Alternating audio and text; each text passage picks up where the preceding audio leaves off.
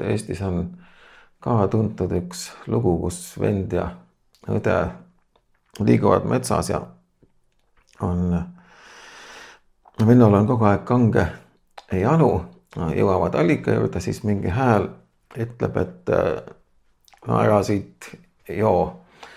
ja niimoodi kolm korda, kolmandal korral siis vend ütleb, et ma ei hooli sellest. Ja siis joob allikast ja siis ta muutub äh, metskitseks. niimoodi äh, tekkiski esimene metskits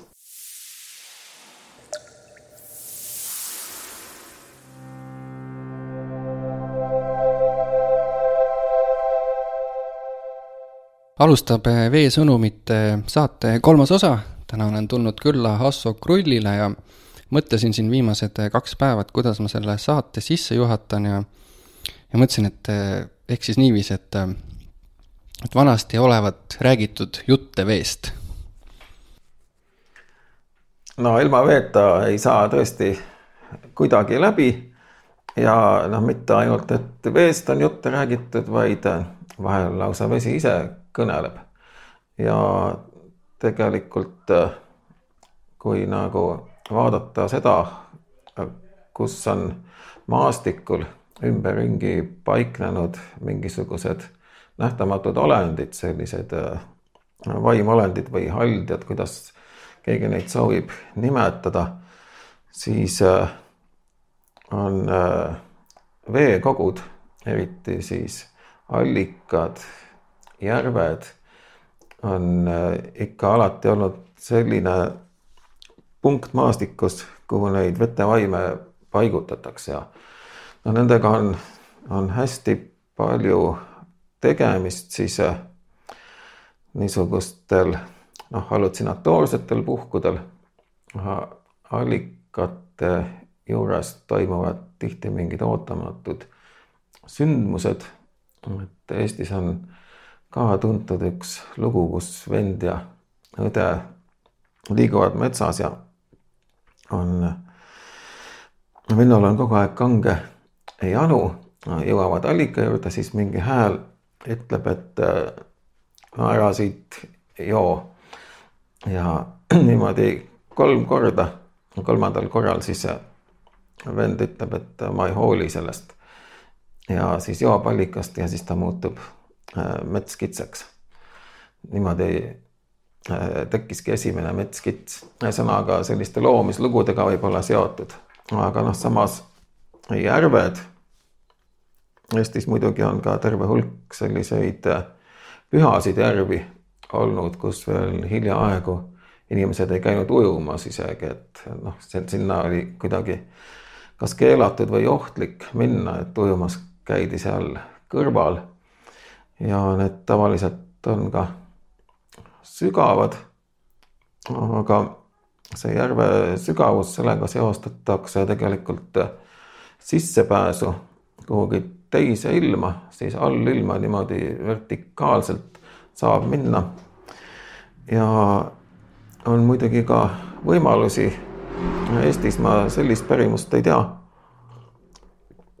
aga noh, näiteks Amazonias on tüüpiline, et nõid, kes, kes on alles algaja või enne, enne nõiaks saamist, kui ta liigub metsas ja satub õhtul mingisse piirkonda, kus siis mõni vetevaimu tütar teda märkab, siis ta meelitatakse sinna järve ja seal siis toimuvad igasugused huvitavad asjad. see on muidugi alati ohtlik ka sellepärast, et see see peab toimuma sellisel ajal, kus see vana vetevaim magab. sest muidu, kui ta üles ärkab, siis ta sööb selle algaja nõia kohe ära. aga siis noh, tema tütred ja, ja vetevana naine, nemad on nagu sihuke komplott, nad siis eh, niimoodi seal intrigeerivad, püüavad eh, igat moodi vältida, et see vanamees üles ei ärkaks ja, ja noh, siis eh, tema mehkeldab seal nende tütardega ja, ja pärast läheb üles, siis temast saab nõid.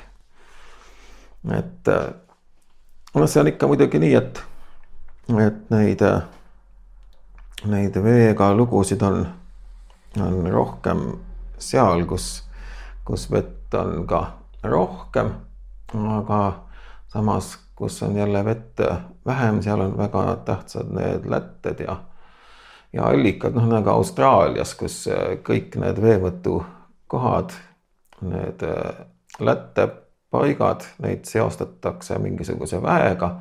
see vägi on siis seotud nende nende muinasune aegsete vikerkaaremadudega, kes mööda maad liikusid ja noh, kujundasid selle Austraalia maastikku. aga siis on ka paigad, kus nad on maa sisse läinud või sealt välja tulnud ja need ongi siis need veevõtuaugud, need on tavaliselt hästi tähtsad.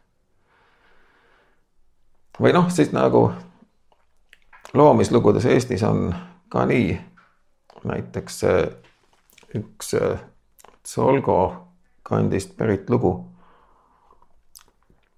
kus on nõnda, et on see, see loojapaar, mis Eestis on küllalt tavaline vanaisa ja siis mingi selline trikster, kuidas teda kunagi nimetatakse, noh, vanapagan või noh, nimesid võib palju olla. Et kui maa on loodud, siis nad lähevad koos sauna ja seal ajavad juttu, siis ütleb see trikster, et äh, ma lähen toon nüüd natuke vett juurde, et sa oota siin. aga siis ta läheb välja ja võtab sealt sauna otsa pealt kõik need maailma loomise riistad ja, ja kiiresti loob ka mäed ja orud ja jõed ja järved. Nii et siis, kui vanamees välja tuleb, siis ta alguses kohe ehmatab seal on mingi selline fraas, et sa oled siia, ütled solgatused enne. aga noh, sellest siis tulebki Tsolgo nimi ja niimoodi muidugi jääbki, et on palju neid Tsolgo järvi ja et äh, loomislugudes ikka alati on, on vesi väga oluline. noh, ka, ka suurtes loomislugudes nagu, nagu see Eesti kõige tuntum loomislaul, kus alguses on üks äh, mägi ja mäe otsas puu ja puu otsas oks ja oksa otsas õis ja õie otsas veel vili, aga siis vili kukub vette, mis seal ümber on. see ongi siis nagu see ürgookean. ja ürgookean on hästi tüüpiline loomise alg, allikas või see esimene seisund võib ka nagu kaosena iseloomustada või noh, kuidas, kuidas seda keegi soovib filosoofiliselt tõlgendada, aga noh, see on alati selge, et, et tegemist on ikka mingi metsiku veteväljaga ja sealt siis lõpuks tõuseb sealt, kuhu see õun kukkus või see vili, sealt tõuseb see loomisloo lind, kes tegelikult kogu universumi loob. Ühesõnaga pärimus ei saa mitte kuidagi veest mööda, et vastupidi, et vesi on nagu, nagu alati see, kust asjad algavad ja ja noh, mõnikord muidugi ka lõpevad, et äh, maailma lõpu müüdid enamasti on seotud veega, et ikka mingisugusel põhjusel tuleb suur veeuputus, noh tavaliselt siis kas, et kas on äh, olendeid liiga palju saanud, nad ei mahu enam ära või siis inimesed on kuidagi raisku läinud, tülitsevad omavahel, ei saa enam läbi. no mitmesuguseid põhjusi võib olla ja siis keegi seal korraldab mingi sellise intriigi ja tulebki hirmus vihmasadu ja lõpuks uputus. aga noh, see veeuputus on alati, ta on nagu selline kahe otsaga, et ühest küljest äh, küll väga palju asju hävib, aga teisest küljest alati ka keegi pääseb. ja noh, see ei ole niisugune maailma lõpp, kus noh, see ei ole selline jumalate hämariku järgne, kus äh, kõik ära põleks ja jääks ainult must maa ja süsi, vaid et kui vesi alaneb, siis kõik ju uuesti puhkeb, sellepärast et kõik on saanud kõvasti kastetud ja ühesõnaga kõik algab uue hooga pihta. et selles suhtes need veeuputuse lood on alati kuidagi nagu noh, maailma lõpu kohta alati nagu helgemad, et sealt tuleb alati välja uus algus. Et mõnes mõttes nagu selle vee kaudu, veeelemendi kaudu siis tullakse jälle uuesti algusse tagasi. ja noh, see, see, et vesi on seotud mingi niisuguse ringkäiguga, see tundub täiesti, täiesti loomulik, sellepärast et samamoodi ka inimene iga päev alustab ikka sellest, et tuleb eh, midagi rüübata, noh midagi, mis on seotud veega, olgu see siis klaas vett või tass kohvi või mis, mis tahes, aga igatahes noh, seda veeringlust, vee ringkäiku juba iseenese selles mikrokosmoses peab kogu aeg uuendama. see alati värskendab, annab mingi uue alguse, annab mingisugust väge, et vesi on nagu selline kõige tähtsam väeelement selles mõttes. Alguses oli siin juttu haldjatest, et küsiks, et äh, mul on lihtsalt kõrvu jäänud ka, et vanasti käidi arstimas ennast äh, allikate puude juures, et kes too haldjas on? see on nii, et äh, mõnikord äh, on see jah seotud sellega, kes seal allikas elab, et siis ta ongi otseselt nagu selle allika kehastus tavaliselt. äh, tema kohta rohkem teada ei ole. et ta on lihtsalt see, see olend, kes sinna allika juurde kuulub, aga noh, samamoodi võib olla, et ikkagi see allikate vägi on seotud mingi teise ajatasandiga, selle ennemuistse ajaga, loomisajaga, kus on toimunud mingi sündmus. noh, tüüpiline näiteks äh, Saaremaal on need suured odaletsi allikad, mis äh, voolavad äh, ka põhja poole, need on tegelikult päris laiad nagu väiksed jõed. ja hästi ilus selge vesi on, seal on silmaallikad ka olemas. Aga selle kohta on siis igasuguseid lugusid, noh, neid teisendeid on väga palju, aga mingi põhikuju on see, et või üks tüüpiline kuju, et äh, seal on üks ürgolend on siis maganud. talle on ka igasugu nimesid antud. Äh, ja siis tuleb teine ürgolend, keda on siis hiljem vahel nimetatud Tölluks või, või Kalevipojaks või noh, kuidas kellelegi meeldib. aga noh, põhiline on see, et on, on nagu kaks vägimeest ja siis eh, üks tahab teist odaga lüüa. tihtipeale on see siis see ongi siis see, kes tuleb, see tahab teist tappa. aga siis see ärkab üles, algab tagaajamine ja nendest äh, jalajälgedest siis sünnivadki kõik need allikad, et nad jooksevad nagu siia-sinna, kuni üks siis ajab teise merre. Ja noh, on see naljakas rahvalik etümoloogia ka, et, et kuna see odaga torkamine ei õnnestunud, oda läks katki või midagi sellist, et siis äh, odalets on nagu selle Odaletsi nime allikas, see noh, loomulikult etümoloogiliselt ilmselt ei peaks paika, aga, aga alati nende kohanimedega mängitakse niimoodi, et neile leiutatakse selliseid poeetilisi nüansse juurde. ja siis vahel veel seostatakse seda Vilsandi saarega, kuna Vilsandi saarel on üks üks niisugune huvitav koht, mida vilsandlased ise nimetavad vana Jaagu hauaks. kihelkonnal on seda ka vanapagana hauaks nimetatud. ühesõnaga, et siis see, keda taga aeti, kes sinna merre uppus, see jõudis Vilsandi saarele randa ja Vilsandi mehed siis korjasid ta üles, matsid sinna maha. tänu sellele Vilsandil keegi ei tarvita lukku ega riivi niisugune, aga odaletsid jällegi on need allikad ja noh, need on siiamaani alles väga uhked ja kogu aeg on, on andnud äh, väga ilusat vett. aga see on siis ikkagi seotud jah, selle ennemuistse loomisajaga. et see allikas ise, ta nagu, vesi on väga puhas ja ta tuleb ka siis nagu ülekantud mõttes väga puhtast allikast, ta tuleb nagu maailma algusest. et äh, selles mõttes noh, see, et, et metafoorselt noh, mitte ainult eesti keeles, vaid väga paljudes keeltes allikas või läte tähendab ka midagi, mis noh, viib tagasi sellise alguse ja puhtuse juurde. noh, see on täiesti jällegi loomulik, et selle metafoori teke on hästi läbinähtav.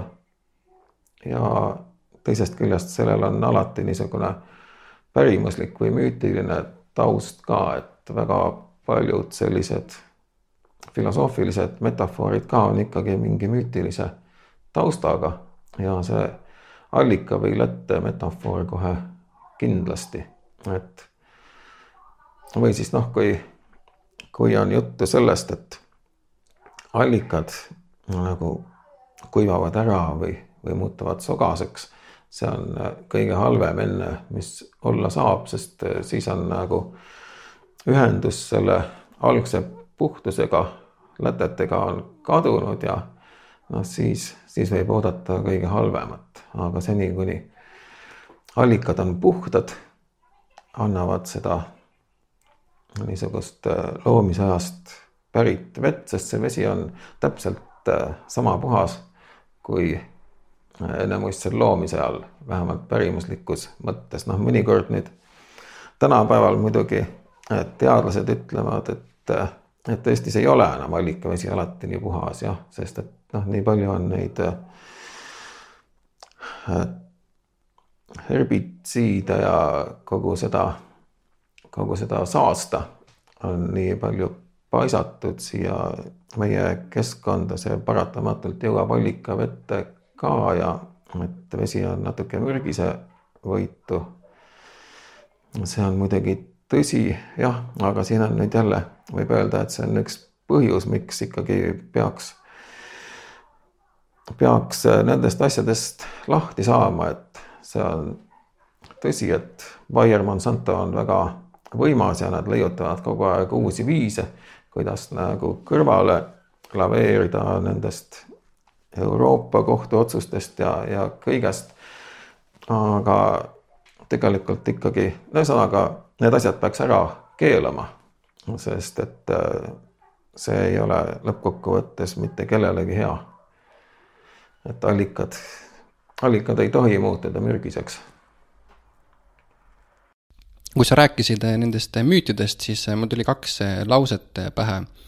Et üks on see, et müüdid on inimpsüühikale läbitungimatud ja teine on, et muinasjutud või need müüdid, jutud on isiksuse, müüdid on isiksuse kasvu muinasjutud.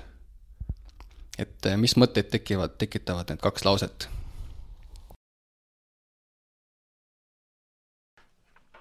jah, see läbitungimatus on on võib-olla see, mis, mis teeb müüdi külge tõmbavaks, sellepärast et kõik, mis on kohe iseenesest selge ja käepärane, noh, seda me kasutame, aga see ka kohe ununeb, et niisuguste igapäevaste tavaliste asjade ja tavalise jutu puhul ongi hästi tähtis, et see oleks, kõik oleks kohe selge, mingit niisugust liigset keerukust või mõtlemist ei ole, siis asjad sujuvad.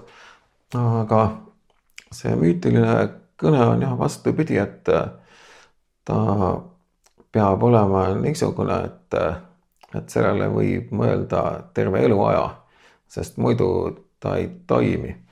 ja tõepoolest, see on ka see, mis, mis kasvab meis ja, ja kasvatab.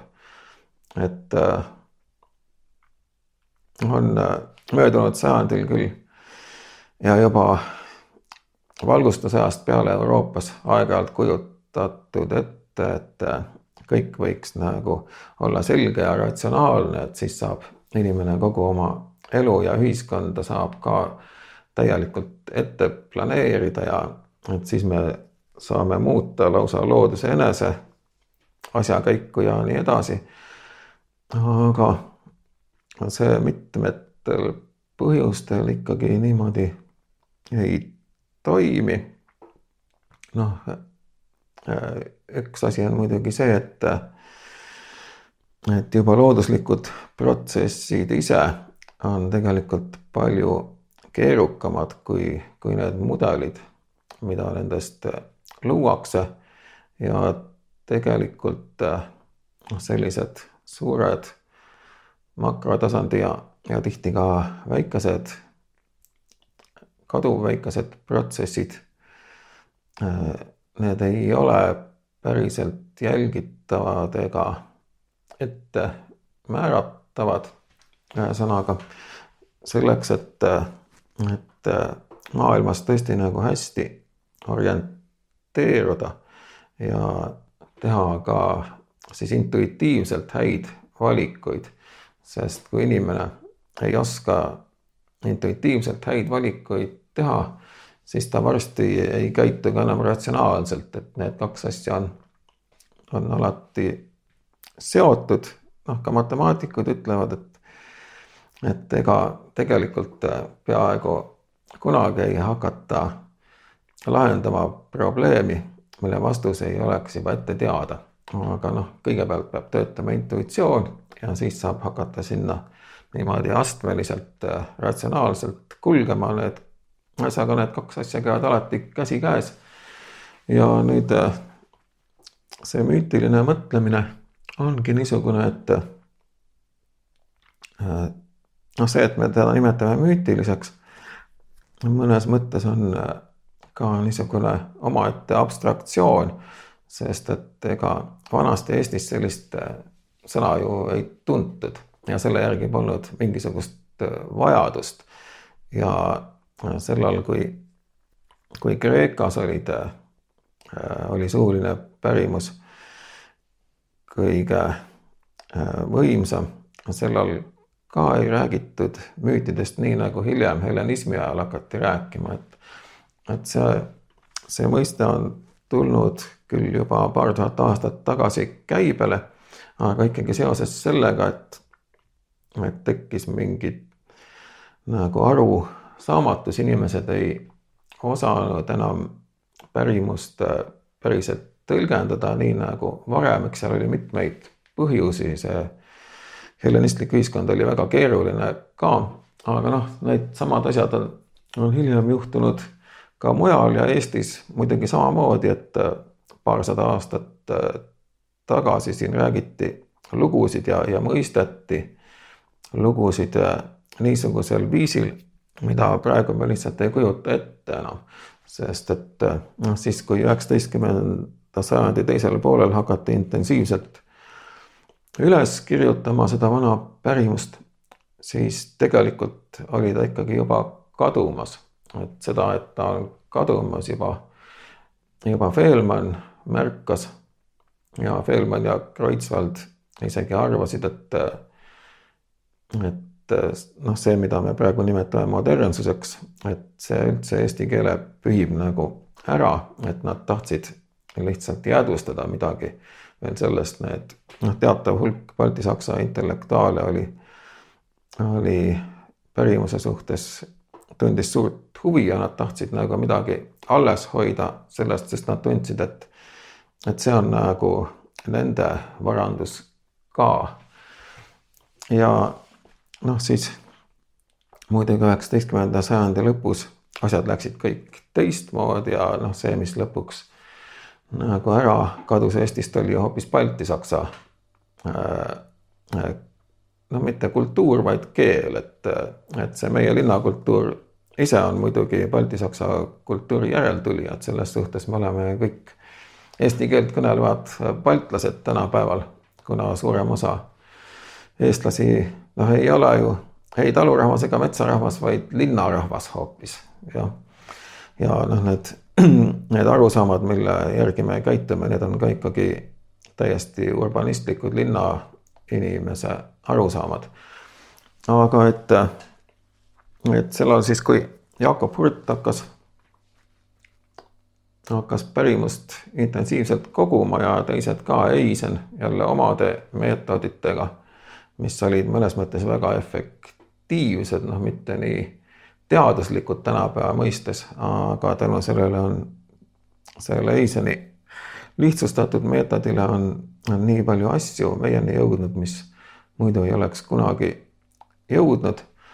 aga nad kõik ikkagi kogusid ja jäädvustasid seda, mille, mille suhtes niisugune sisemine teadmine või mille sisemine pidevus hakkas kaduma, ühesõnaga inimesed enam päriselt nende laulude ja lugude sisu seletada ei osanud või siis nad ei julgenud, nii nagu seda vanasti oli tehtud, et anti edasi ainult see pärimuse tükk, aga seal ei ole kunagi juures seletust, miks see nii on ja noh, on iseloomulik neile Eesti pärimuslugudele, et kõike ja alati antakse edasi, kas siis kaudses kõneviisis või noh, viidatakse sellele, et rahvas räägib nii ja see ei ole kunagi selle pärimuse esitaja enda arvamine, enda teadmine, vaid ta viitab nagu kellelegi teisele noh, põhimõtteliselt esivanematele niimoodi nagu vastutus selle eest tema peale ei lange, aga teisest küljest ta ikkagi teab seda ja noh, aeg-ajalt on ka aimata, et, et teatakse ilmselt rohkem, kui, kui räägitakse. aga noh, loomulikult kahekümnenda sajandi kestel äh, need teadmised on kõik suuresti nagu kadunud, sellepärast et äh, ühesõnaga see pärimuslik teadmine ise on ju olnud seotud äh, ka teatava pärimusliku eluviisiga ja rituaalse käitumisega. et äh, kuna kunagi ei ole olnud nii, et üks inimene teaks kõike, vaid see teadmine on alati jagatud, noh nagu ka tänapäeva linnakultuuri puhul. et äh, keegi üksi ei, ei suudaks kogu seda süsteemi üleval pidada, samuti on vana pärimuskultuuriga. et ta on olnud niisugune väga kollektiivne ja läbi põimunud, jagatud teadmine ja jagatud eluviis, võib öelda nagu jagatud olemine, jah. ja see kõik viitas ka loomulikult sellele, mida me tänapäeval keskkonnaks nimetame, et, et see olemine oli, oli seotud taimede, loomade, maastikuga, kõigega. et kui nagu need seosed kadusid, siis sellega koos tegelikult ka see teadmine kadus, sellepärast tänapäeval on tihti üsna raske, peab niimoodi oletuslikult edasi liikuma. no minu meelest on see, on see lihtsam siis, kui tunda rohkem teisi traditsioone ka mõnikord päris kaugeid. aga et kui nagu saab kõrvale panna selliseid etnoloogilisi andmeid ja antropoloogilisi teadmisi teistelt rahvastelt, tuleb mõnikord ette üllatavaid sarnasusi, et siis, siis võib vaikselt nagu oletada jah, et, et mida siis siin meile on mõeldud ja, ja loomulikult see puudutab kõik vett ka, noh, need vee, veega seotud. noh, mina ei tahaks öelda uskumused, ma ütleksin pigem pärimused, kuigi jah, uskumuse sõna on äh, kirjanduse kaudu, teadusliku kirjanduse kaudu ennekõike on, on suhteliselt laialt käibel, aga aga pärimuse kandjate endi jaoks tavaliselt ei ole ilmselt olnud tähtis, kas seda usutakse või mitte. et äh, pigem on tähtis seda lugu teada ja see lugu mõjutab hoopis nagu teisi kanaleid kaudu, mitte, mitte sellesse uskumise kaudu, vaid selle teadmise kaudu ja, ja teatavate niisuguste orientiiride või pidepunktide kaudu, mis ta maailmas annab ja maastikus. üks lausepaar, mis mul veel meelde on jäänud, on see, et et mütoloogia või siis noh, vot kasutame need, need vanad jutud olid antiikaja psühholoogia.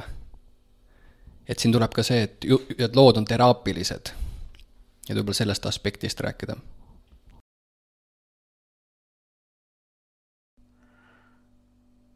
loomulikult äh, on lood teraapilised, et äh, selleks ei pea nad isegi olema müütilised, et äh, iseenesest teraapilised on ka kõik need lood, mis me iga päev üksteisele räägime selleks, et, et inimene hästi funktsioneeriks ja et ta teistega hästi läbi saaks. ta peab ju teistele rääkima, mis ta on päeval teinud või, või, või mida ta edasi kavatseb teha ja teised räägivad seda, et see kõik on, on osa niisugusest igapäevasest hügieenist mõnes mõttes. ja noh, see, see, et on, on vajalik niisugune ravimine, oma olemise pidev ravimine, see on kõige vanematel kultuuridel olnud juba tavaline Bushmanitel näiteks on olnud nii, et äh, iga õhtu koguneti lõkke ümber ja siis, kui hakkas hämaraks minema, siis äh, algas äh, kätega ravimine.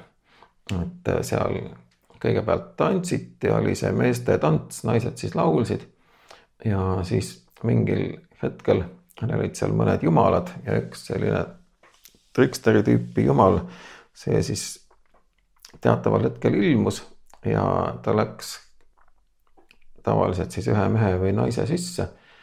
ja noh, see oli kohe kõigile arusaadav, nähtav, et nüüd see on juhtunud. ja pärast seda läks siis äh, kätega ravimiseks, kõik äh, ravisid üksteist. ma täpselt ei, ei kujuta küll ette, kuidas see käis, aga noh, tõenäoliselt nii nagu tänapäevalgi ikkagi käte peale panemine ja võib-olla midagi massaaži taolist, ühesõnaga see, see oli siis niisugune igaõhtune või igaöine rituaal, mis tähendab, et äh, inimesed äh, pidasid väga tähtsaks sellist äh, pidevat hoolitsemist oma tervise ja heaolu eest, ühesõnaga, et arvestati kogu aeg sellega, et isegi kui välja ei paista, et inimesel midagi viga oleks, ikkagi meie elu käigus iga päev juhtub asju, mis võivad nagu viia mingi sellise nõrgenemise või haigestumiseni. ja see tähendab, et kogu aeg oleks vaja, eriti muidugi psüühiliselt, aga psüühiline ja füüsiline tervis on ju väga otseselt seotud, sest kui ikka, no seda selgesti näeme siis, kui kui füüsiliselt muutub olukord väga halvaks, on mingi tõsine vigastus või, või haigus, noh siis psüühilised protsessid, meeleolu ju langeb ja toimub selline nõrgenemine ja samuti ikkagi, kui, kui ka kehaliselt justkui midagi viga ei ole, aga on psüühiline depressioon või mingi selline ärevus ja nii edasi. et see võib lõpuks välja hakata lööma ikkagi kehaliselt ka ühesõnaga, et, et umbes nii nagu meie peseme õhtuti ja hommikuti hambaid, niimoodi Bushmead siis igal õhtul ravisid kätega lõkke ääres ja toimus see rituaal. et äh, sinna juurde loomulikult kuulub siis äh, pärimuse edasiandmine ka, et need, need pärimuslikud lood on muidugi seotud hügieeni ja, ja psüühilise või füüsilise tervishoiuga hästi niisuguseid keerukaid põiminguid kaudu. noh, näiteks ütleme, et nagu see Odaletsi lugu, mida ma enne rääkisin. allikad on seotud kahe ürgolendi või vägimehe omaaegse konfliktiga, siis said nad loodud, aga sealt tuli välja noh, selline äh, võimas, puhas, äh, ennemuistne vägi, mis siiamaani annab seda puhast vett ja mõned neist äh, on siis millegipärast silmaallikad, et seal käidi siis silmi niisutamas ja usuti, et noh, siin võib küll öelda, et, et kindlasti usuti, et see silmanägemist parandab. Aga ju siis parandas ka, et äh, vaevalt, et nüüd äh, täiesti niisama oleks seal ikka käidud. et äh, siin on ühesõnaga kogu, kogu see müütiline kooslus seisab siis koos väga paljudest elementidest, et on loomulikult see jutustus, see väike narratiiv, siis on see koht, mida teatakse, siis on need allikad ja siis on inimesed, kes seal käivad ja siis vahetavad omavahel ka seda informatsiooni selle kohta, tullakse ka kaugemalt ja samuti siis kandub ühtlasi see lugu edasi, sellega koos ka mitmesugused teised lood. Ühesõnaga kogu see protsess on niisugune suhteliselt pidev ja, ja tegelikult üsna labürintlik, et äh, võtta sealt välja ainult üks väike lõiguke, ega siis kogu seda tervikut äh, veel ei, ei hõlma, aga, aga sealtkaudu muidugi võib sissepääsu leida. et selles mõttes on jah nii, et müütilised lood kindlasti on, on oluline psüühika, psüühilise hügieeni või, või oma hingeelu ja, ja ka vaimuelu ja ka kehalise olemise korras hoidmise vahend.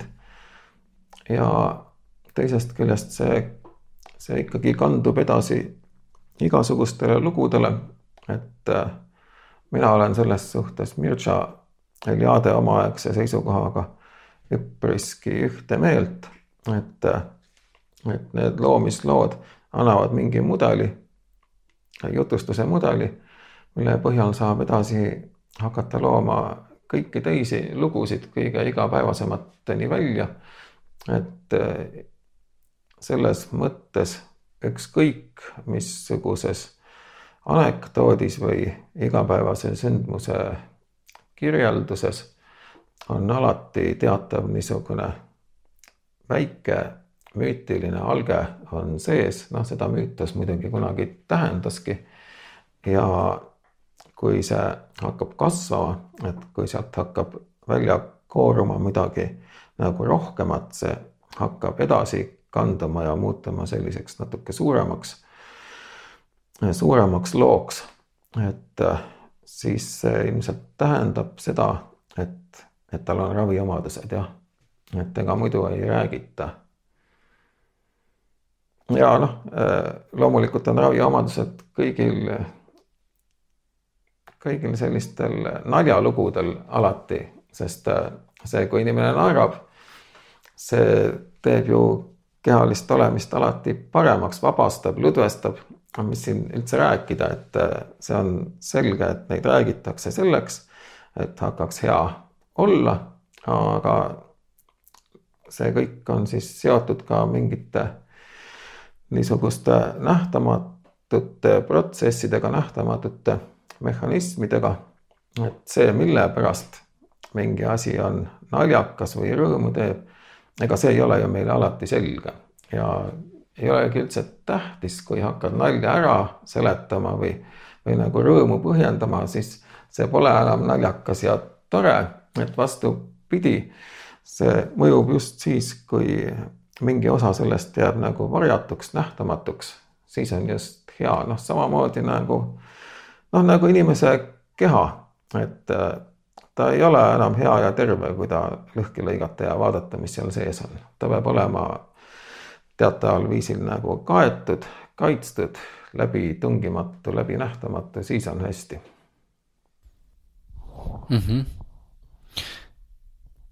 mõtlesin just see, see muidugi nüüd on risti-rästi sellele viimasele mõttele, aga et see saate alguses rääkisid selle loo, kus see poiss ja tüdruk liikusid allika poole ja, ja siis kolm korda keelati juua, jõi siis ja siis sealt tuli esimene metskits niiviisi lühidalt.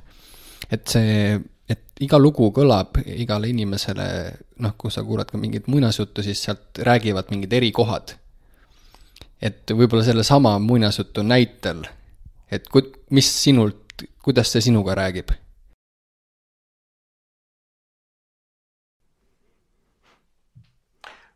see on nüüd niisugune äh, nagu mõistatuslikku tüüpi lugu, et äh, ma isegi nagu pean teda veidi suguluslikuks selliste päris ehtsate mõistatustega. Mõistatuste mõistatamine oli muidugi vanasti hästi oluline tegevus ja no ilmselt mitte ainult siis mõistatada andmine, vaid mõistatuste leiutamine ja väljamõtlemine, et see oli niisugune no nupumeeste äh, ala ja nad tavaliselt on ju ka olnud ikka läbinähtamatud, et äh, ega paljalt mingit sellist äh, süllogismide reaga mõistatust ära ei mõistata, et seal peab nagu intuitsiooni olema, peab ära aimama, mida teine on mõelnud, tavaliselt ju ette luuakse mingi niisugune kraan, mis äh, hajutaks tähelepanu, juhiks selle kuhugi mujale või valesse kohta, et sa pead sellest läbi nägema, läbi tungima, selle kõrvale heitma ja, ja siis jõudma selleni, et, et kuidas see asi võis olla, kuidas see mõistatus on kokku pandud, sest lahendus on alati efektne siis, kui ta tegelikult on hästi lihtne. ja siis ta mõjub ka naljakalt. ja noh, see lugu on nüüd siis ka natuke niisugune mõistatuse laadne. Need, need lood, mida nimetatakse meil tekke muistenditeks ja mis samas ei seleta ju mitte midagi, vaid vastupidi, teevad asja nagu kummalisemaks, loovad sellise müsteeriumi äh, maastikku või siis ka noh, mingite olendite ümber. Et äh, see on jah, niisugune mõistatus siis, mille lahendus on nagu ümber pööratud, et äh, metskitse ju kõik teavad ja see, et metskitsed ikka käivad allikal joomas, noh, tihtipeale need, kes lähevad allikale, no vähemalt vanasti siis, kui metskitsi oli piisavalt, siis ikka võis seal metskitse kohata või ka oja ääres kuskil, kus hea joogikoht on. et äh, siin on selge niisugune nagu metonüümiline seos metskitsel ja allikal. aga äh, see lugu, see loomislugu on siis tekitanud sinna juurde niisuguse müsteeriumi, mis iseenesest muidugi on selles mõttes lihtne, et äh, kuna allikas on ju igasuguse elu allikas, et äh, ei ole ühtegi taime, ühtegi looma ilma selleta, et kuskilt saaks puhast vett ja kõige esimene, kõige lihtsam kujutelm sellest on ikka allikas, kaev on lihtsalt äh, ju viis, kuidas jõuda mingi sügavamal asuva allikani, mis on maa sees. et äh, siin on siis nagu jah, see, see protsess nähtavale toodud, et tõepoolest metskitsed on olemas ainult tänu sellele, et metsas on ka allikad. Ja me oleme selle kaudu, siis vee kaudu metskitsedega suguluses. Aga muidugi mitte ainult see, vaid eks siin on ka niisugune animistlik ontoloogia on taga, mis ütleb, et tegelikult me olemegi sisemiselt teiste olenditega suguluses, kestad on erinevad ja see kestast tulenev väline käitumine, aga sisemiselt olendid ja võib-olla ka mõned asjad on inimlikud. et neil on mingi niisugune hing või mingi oma vaim, mis neid paneb liikuma samamoodi nagu meid või mis toimib nende sees samamoodi nagu meis. ja vesi on muidugi see indikaator, mis näitab, et see sugulus on eriti lähedane, et kõik, kes joovad vett, kellel on vaja, et noh, vesi nagu pidevalt elustaks, tooks tagasi algusse selle lätte juurde, ta ise tulebki lättest. Et need on, need olendid on, on meile väga ligidal. jaa, selle sugu, sugulase idee peale mul lihtsalt kargas pähe see, et nendel Lakota indiaanlastel on selline ütlus, mis tavaliselt tseremooniate lõpus ja palve lõpus öeldakse, on see, no eesti keeles on ta kõik mu sugulased. et nad, no ja et, et see kits on nüüd, kits on nagu neljajalgne sugulane, et õed-vennad, kõik need kahejalgsed, neljajalgsed, tiivulised, et nad kuidagi panna nagu selle kõik, kõik, kes siis meist ka noh, kellel on neli jalga, on ju, et sellise nagu ühise, ühise nimetaja alla ja, ja kutsuvad neid kõiki oma õdedeks-vendadeks.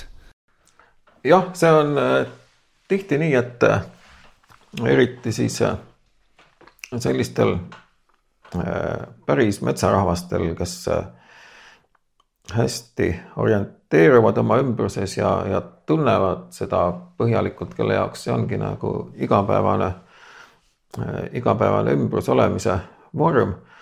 et äh, nad tihti arvavad enda rahva sekka ka need linnud, loomad ja vahel ka osad taimi, kes seal elavad. ja võõrad on siis need, kes elavad kuskil mujal, kellest ei saa nii hästi aru, keda ei tunta õieti. et äh, mõned teised rahvad, teised inimesed Äh, võivad olla palju võõramad, palju vähem omased kui need linnud-loomad, kes on seal kohe käeulatuses. ja, sellega mul tuli meelde see vist, kui käisid seal Tähenduse teejuhtide saates, et just see Austraalia animistlik eh, animism, et seal osad hõimud siis omavahel nagu üksteist üldse aru ei saa, sest et eh, ühed on ühed loomainimesed ja teised on teised. jah, no see on jah, rangemalt öeldes totemism, et äh, kõik jaotuvad endasse tootemi rühmadesse ja siis, aga muidugi see nüüd ei tähenda, et, et neil üldse omavahel ei oleks suhteid, et loomulikult ikkagi suhted peavad olema, ainult et äh, need suhted on siis niimoodi üle nende tootemi jaotuste, et, et see lihtsalt äh, noh, see liigendab universumit aga võib-olla natuke lahata veel neid uputusmüüte. et nii palju, kui ma olen vaadanud, ütleme noh, viimase paari aasta ma olen palju just lugenud neid Põhja-Ameerika äh, indiaanlaste muinasjutte ja asju, aga kui näiteks ka vaadata Iraani äh, seda uputusmüüti ja siis loed seda indiaanlaste oma või kuulad, et siis näed, et see struktuur on sama. jah, see on võib-olla üldse üks üle maailma kõige tuntumaid lugusid ja noh, neid versioone on muidugi hästi palju, et äh, see, et miks see uputus tuli ja, ja kuidas sealt siis pääseti ja nii edasi, kes pääsesid ja, ja mispärast seda sai ja et äh, see varieerub väga suures ulatuses. aga see uput-, see motiiv ise on tüüpiline. et seal võib olla nagu, siin võib olla kaks võimalust, üks on see, et, et lihtsalt kuna vesi ongi sedavõrd tähtis element, algus ja lõpp, et äh, siis äh, selline müüt regenereerub äh, iseenesest igas uues keskkonnas, et inimesed asuvad ümber siia või sinna ja siis vastavalt sellele ümbrusele, mis seal on, tekib jälle uus veeuputuse lugu. teine võimalus on muidugi see, et noh, seda ei saaks kunagi tõestada, aga et kuna me ikkagi noh, oma algselt päritolult me oleme kõik Bushmanid, et kunagi oleme me kõik tulnud sealt äh, Lõuna-Aafrika keskosast kusagilt. et on, on millalgi toimunud see harunemine ja siis osa inimesi hakkas rändama põhja poole. Nendest küll on äh, suur osa geneetiliselt on praeguseks hävinud. aga teisest küljest nendest, kes siis jäid, on saanud kõik ülejäänud maailma rahvad. aga võiks ju olla ka nii, et, et see lugu toodi kaasa juba sealt. Et äh, on täiesti võimalik, et, et mõned lood on inimestega kaasas käinud sama kaua kui või noh, vähemalt sama kaua kui inimkeel. et äh, kui juba, kui juba saab omavahel rääkida laulda, lugusid jutustada, siis äh, ei saa kuidagi välistada seda, et on teatavad lood, mis rändavad edasi lõputult ja noh, ei ole see veeuputuse lugu tänapäevalgi unustatud.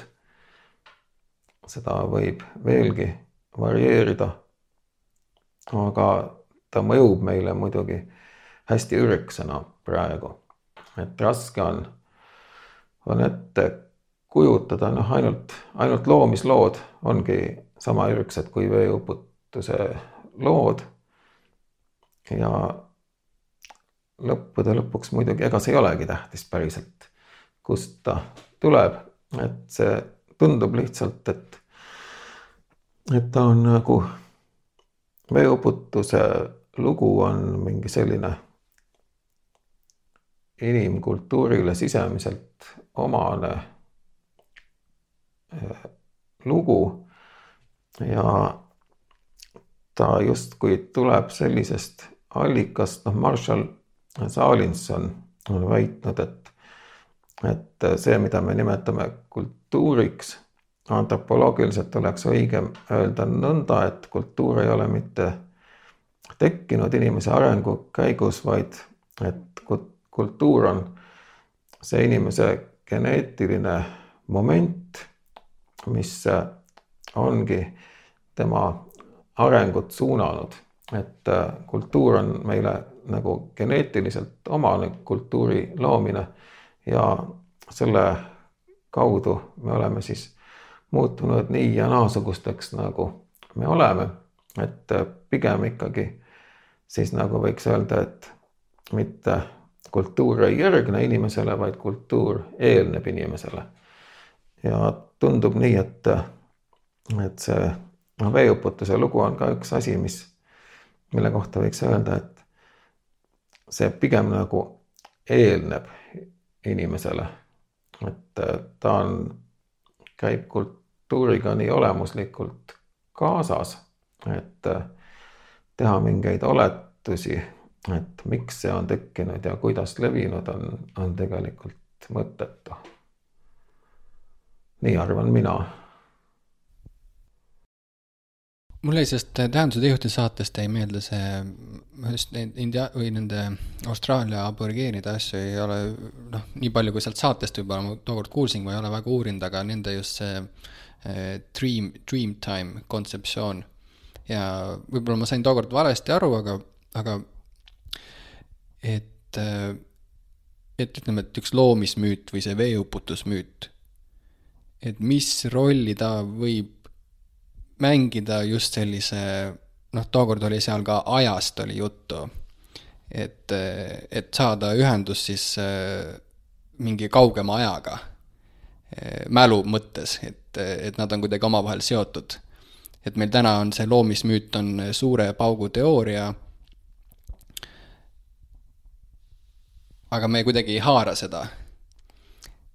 et noh, just nagu noh, vähemalt või noh, me ei saa sellest aru päris täpselt. et kas sellel loomismüüdil või veeuputusmüüdil võib olla selline ajalik mäluline aspekt, et me saame, me ulatume kuhugi teistsugusesse aega või mällu.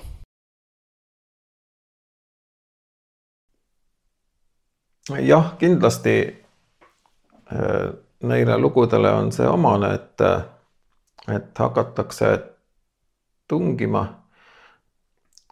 ajas tagasi sellistesse kihtidesse, mis muidu on täiesti ligipääsmatud.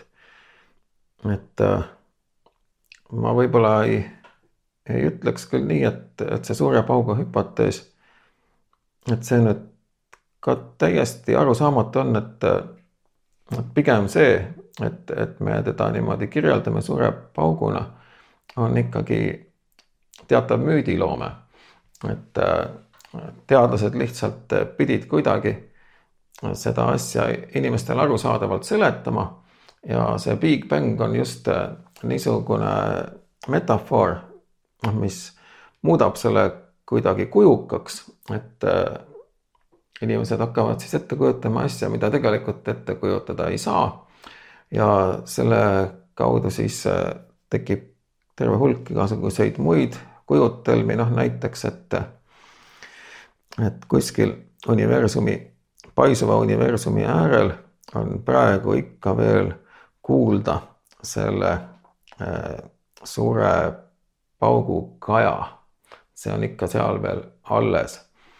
ühesõnaga, see on ka tegelikult niisugune tüüpiline müütiline ettekujutus, mitte keegi ei ole seal käinud, keegi ei ole seda kuulnud, aga me võime seda enda jaoks niimoodi kujustada ja siis äh, kujutleda isegi mingil hetkel, et me justkui kuuleksime seda, et seda on võimalik siis kuidagi nagu, nagu sugereerida või no mitte taasesitada, aga siis esitada esmakordselt või ürgesitada et äh, tekitada midagi sellist, kuna noh, see on ka niisugune allikaline kujutelm, mis siis alati on värske, ta on nagu alati uus. ja loomulikult kõik need, need müüdid, mis tegelevad hästi kauge ajaga, loovad kujutelmi siis sündmustest või protsessidest, millele meil tegelikult mingit juurdepääsu muidu ei oleks, et äh, nad on ka, nad on nagu, nad genereerivad äh, seda liikumist. jah, võib öelda küll, et mälu sügavusse, aga see ei ole nüüd enam ei individuaalne ega kollektiivne mälu, vaid mingi palju suurem, mingi universumi mälu, jah. et sinna püütakse siis jõuda ja, ja jõutakse nii palju, kui, kui see üldse on võimalik, aga loomulikult äh, jääb sinna alles teatav selline läbitungimatuse ja mõistatuslikkuse moment, sellepärast et äh, noh, muidu ei, ei oleks see ju tõeline, et äh, kui on ikkagi asjad mille juures ei saanud kunagi olla ühtegi inimest, aga mis kindlasti pidid kunagi toimuma, siis see, et neid hakatakse jutustama, noh, tekivad isegi tihtipeale sellised pikad keerulised tsüklid ja väga palju võib neid äh, nagu ümber mõelda, ümber öelda neid sündmusi, leiutada tegelasi et see kõik aitab kaasa sellele aja sügavusse tungimisele. aga teisest küljest ta muidugi ka loob seda läbitungimatust juurde, et ta nagu noh, see, see salapärasus, millega käib kaasas siis selline huvi kasv või nagu ligi tõmbavuse atmosfäär, et see, see ainult kasvab siis, kui, mida rohkem neid müütilisi lugusid jutustatakse ja mida lopsakamaks nad muutuvad. et siin on jah, siis selles suhtes on, see ei ole päriselt paradoks, aga see on lihtsalt sellisele igapäevasele tegelikkusele vastandlik, et mida sügavamale sellesse aega, kus keegi meist ei ole olnud. me tungime seda nagu äh, lopsakamaks ja läbitungimatumaks need kujutlused muutuvad ja samal ajal seda lähemale me sellele ka jõuame. ühesõnaga, et see, see läbitungimatus ja hämarus ise ongi märk, et me oleme tegelikult jõudnud kaugemale ja, ja mingis mõttes ka teada saanud midagi enamat. aga igapäevases tegelikkuses on vastupidi. kas sul, kas sul on olnud seda, sellist äh, äratundmist siis, siin saate alguses oli ka juttu sellest, äh, sellest müüdisõna või selle, et antiikajal ehk siis kasutati neid lugusid niiviisi ka nagu tööriistadena aga, või siis, et või, või et üks aja, aja jätkudes siis kaotati see või kaotati see oskusteave või see võib-olla see mõistmine. et või noh, või, või noh, sarnaselt võib-olla see, kui need Eesti pärimus, mis hakkas ära kaduma, et äh, et osati mingeid lugusid kasutada siis mingitel kindlatel eesmärkidel, et kas sul on olnud mingeid selliseid äh, hetki, kus mõni lugu, et sealt nagu paistab sealt sellest mm, läbipääsmatusest nagu paistab midagi läbi ja siis võib-olla läheb mõni päev või nädal mööda, siis ta enam ei paista.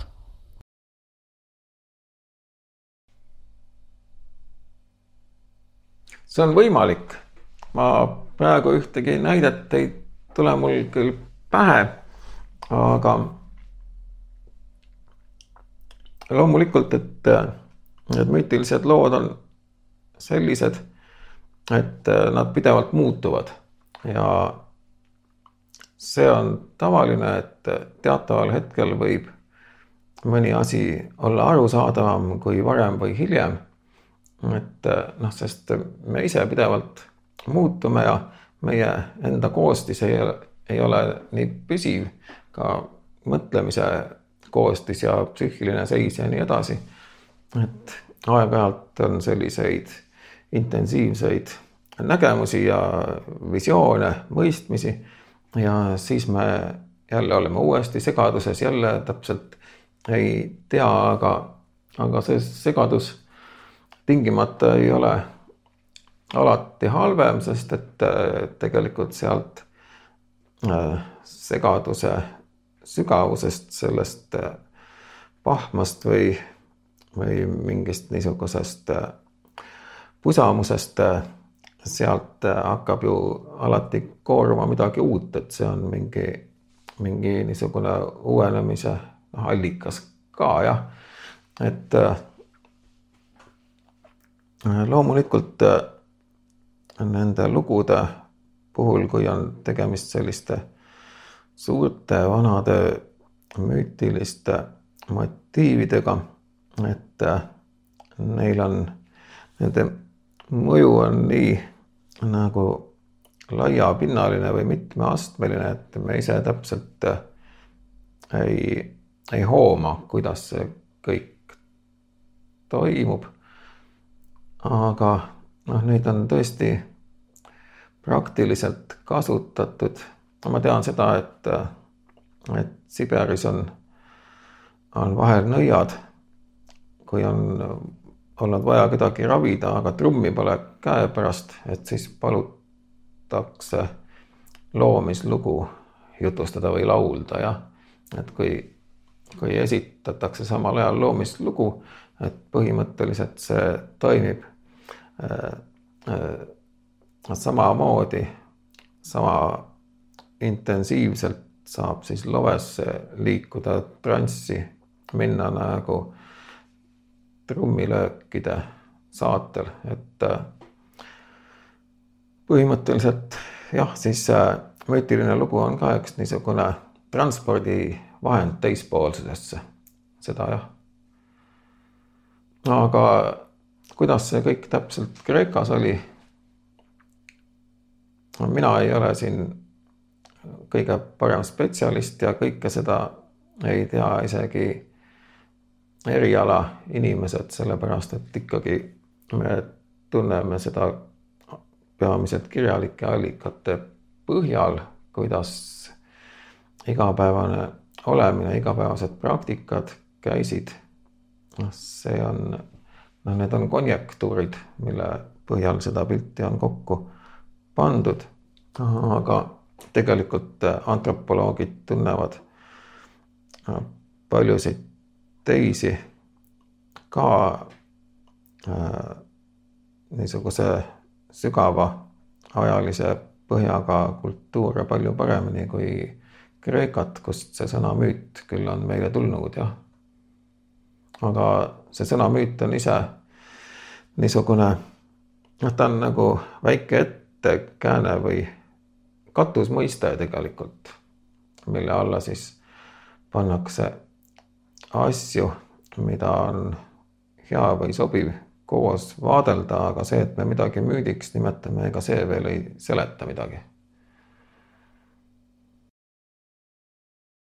enne kui eh, mul on veel igas saate lõpus olen küsinud ühe kindla küsimuse külaliste käest, aga enne kui me sinna lähme, siis eh, tõlkisin ühe, vaatasin, eh, üks selline jungiaan, jungiaan on nagu James Hillman ja üks tema Youtube'i loeng ja siis seal ta tsiteeris äh, seda Joseph Campbelli.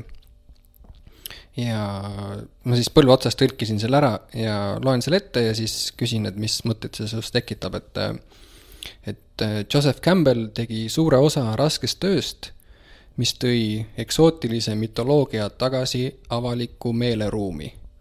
ta aitas Jumalat ellu äratada igapäevaelu tõsiasjadesse et aitas Jumalat ellu äratada igapäeva tõsiasjadesse, et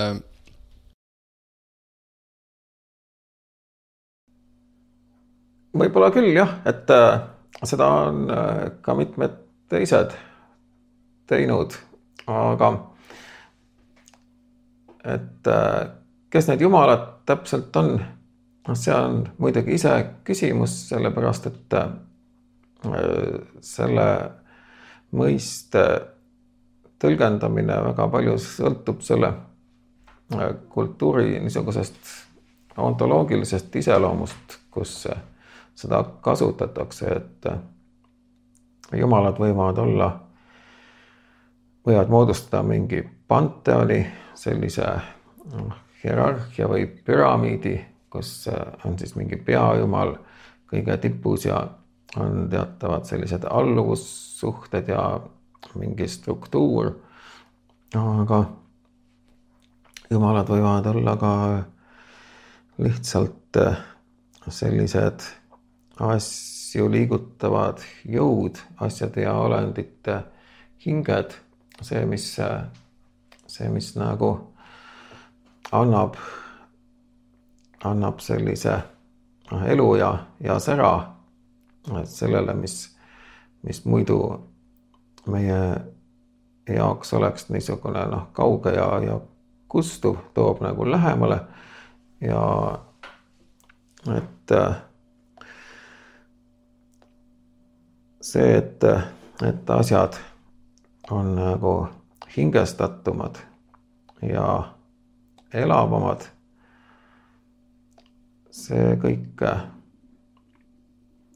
võib muidugi oleneda ka mõne kultuuriteoreetiku pingutustest, aga, aga kunagi ei saa oleneda ainult sellest, arvan mina, et iseenesest ka tänapäeva sellises populaarkultuuris on nii palju selliseid müütilisi allhoovusi ja noh, kui, kui vaadata, kui väga näiteks tänapäeva lastele see Halloween meeldib ja noh, tegelikult Halloween paikneb ju selles äh, hingede ajas, mida Eestis vanasti alati pühitseti ja, ja tähistati, oli väga palju sarnaseid kombeid.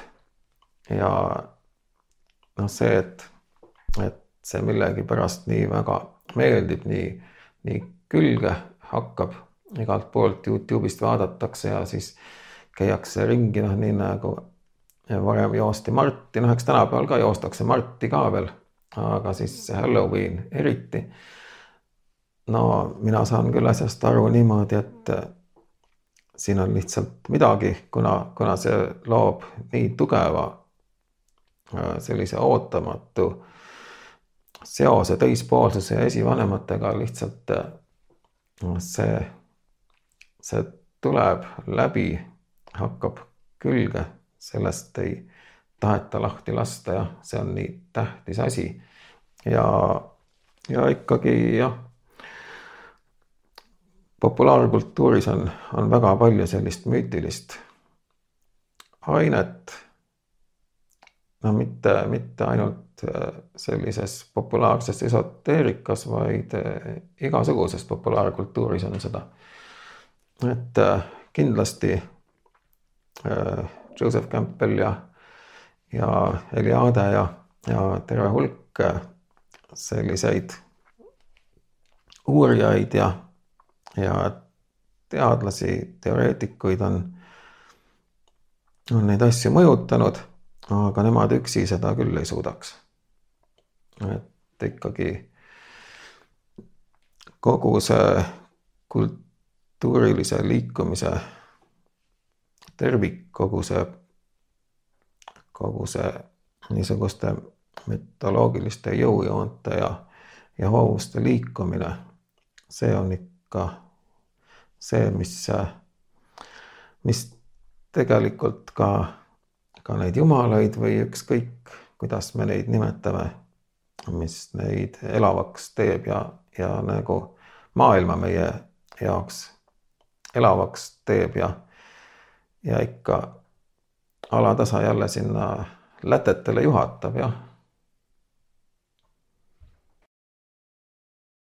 jaa, väga nõus sellega, et mul lihtsalt tekkisid needsamad äh, mõtted äh,. mul, mul aitas näiteks äh, või juhatas siis sinnapoole, et äh, on just selline nagu jungiaanlik vaade äh,. Kõik see kangelase teekond ja arhetüüpide, arhetüüpide teooriad, äh, et läbi selle valguse vaadata näiteks filme ja asju et see on päris huvitav, et teinekord hakkad nagu nägema, et need kuidagi nagu peegeldavad tagasi meie seda enda olemust. et need lood, mis on kõige äh, menukamad, on need, olgu need Harry Potterid või mingid Sõrmuste isandad, et need ongi need kaasaegsed äh, müüdid või muinasjutud, mis me räägime. Jah, loomulikult. ja viimane küsimus siis, kuna saade, saate pealkiri on Veesõnumid ja täna sai natuke veest ka räägitud, rääkisime ka müütidest ja, ja juttudest ja, ja paljust muust. aga küsimus selline, et kui veel oleks midagi öelda, siis mida ta ütleks? ta ütleks, mina olen vesi, ma olen algusest peale olemas olnud. Aitäh sulle, Assa aitäh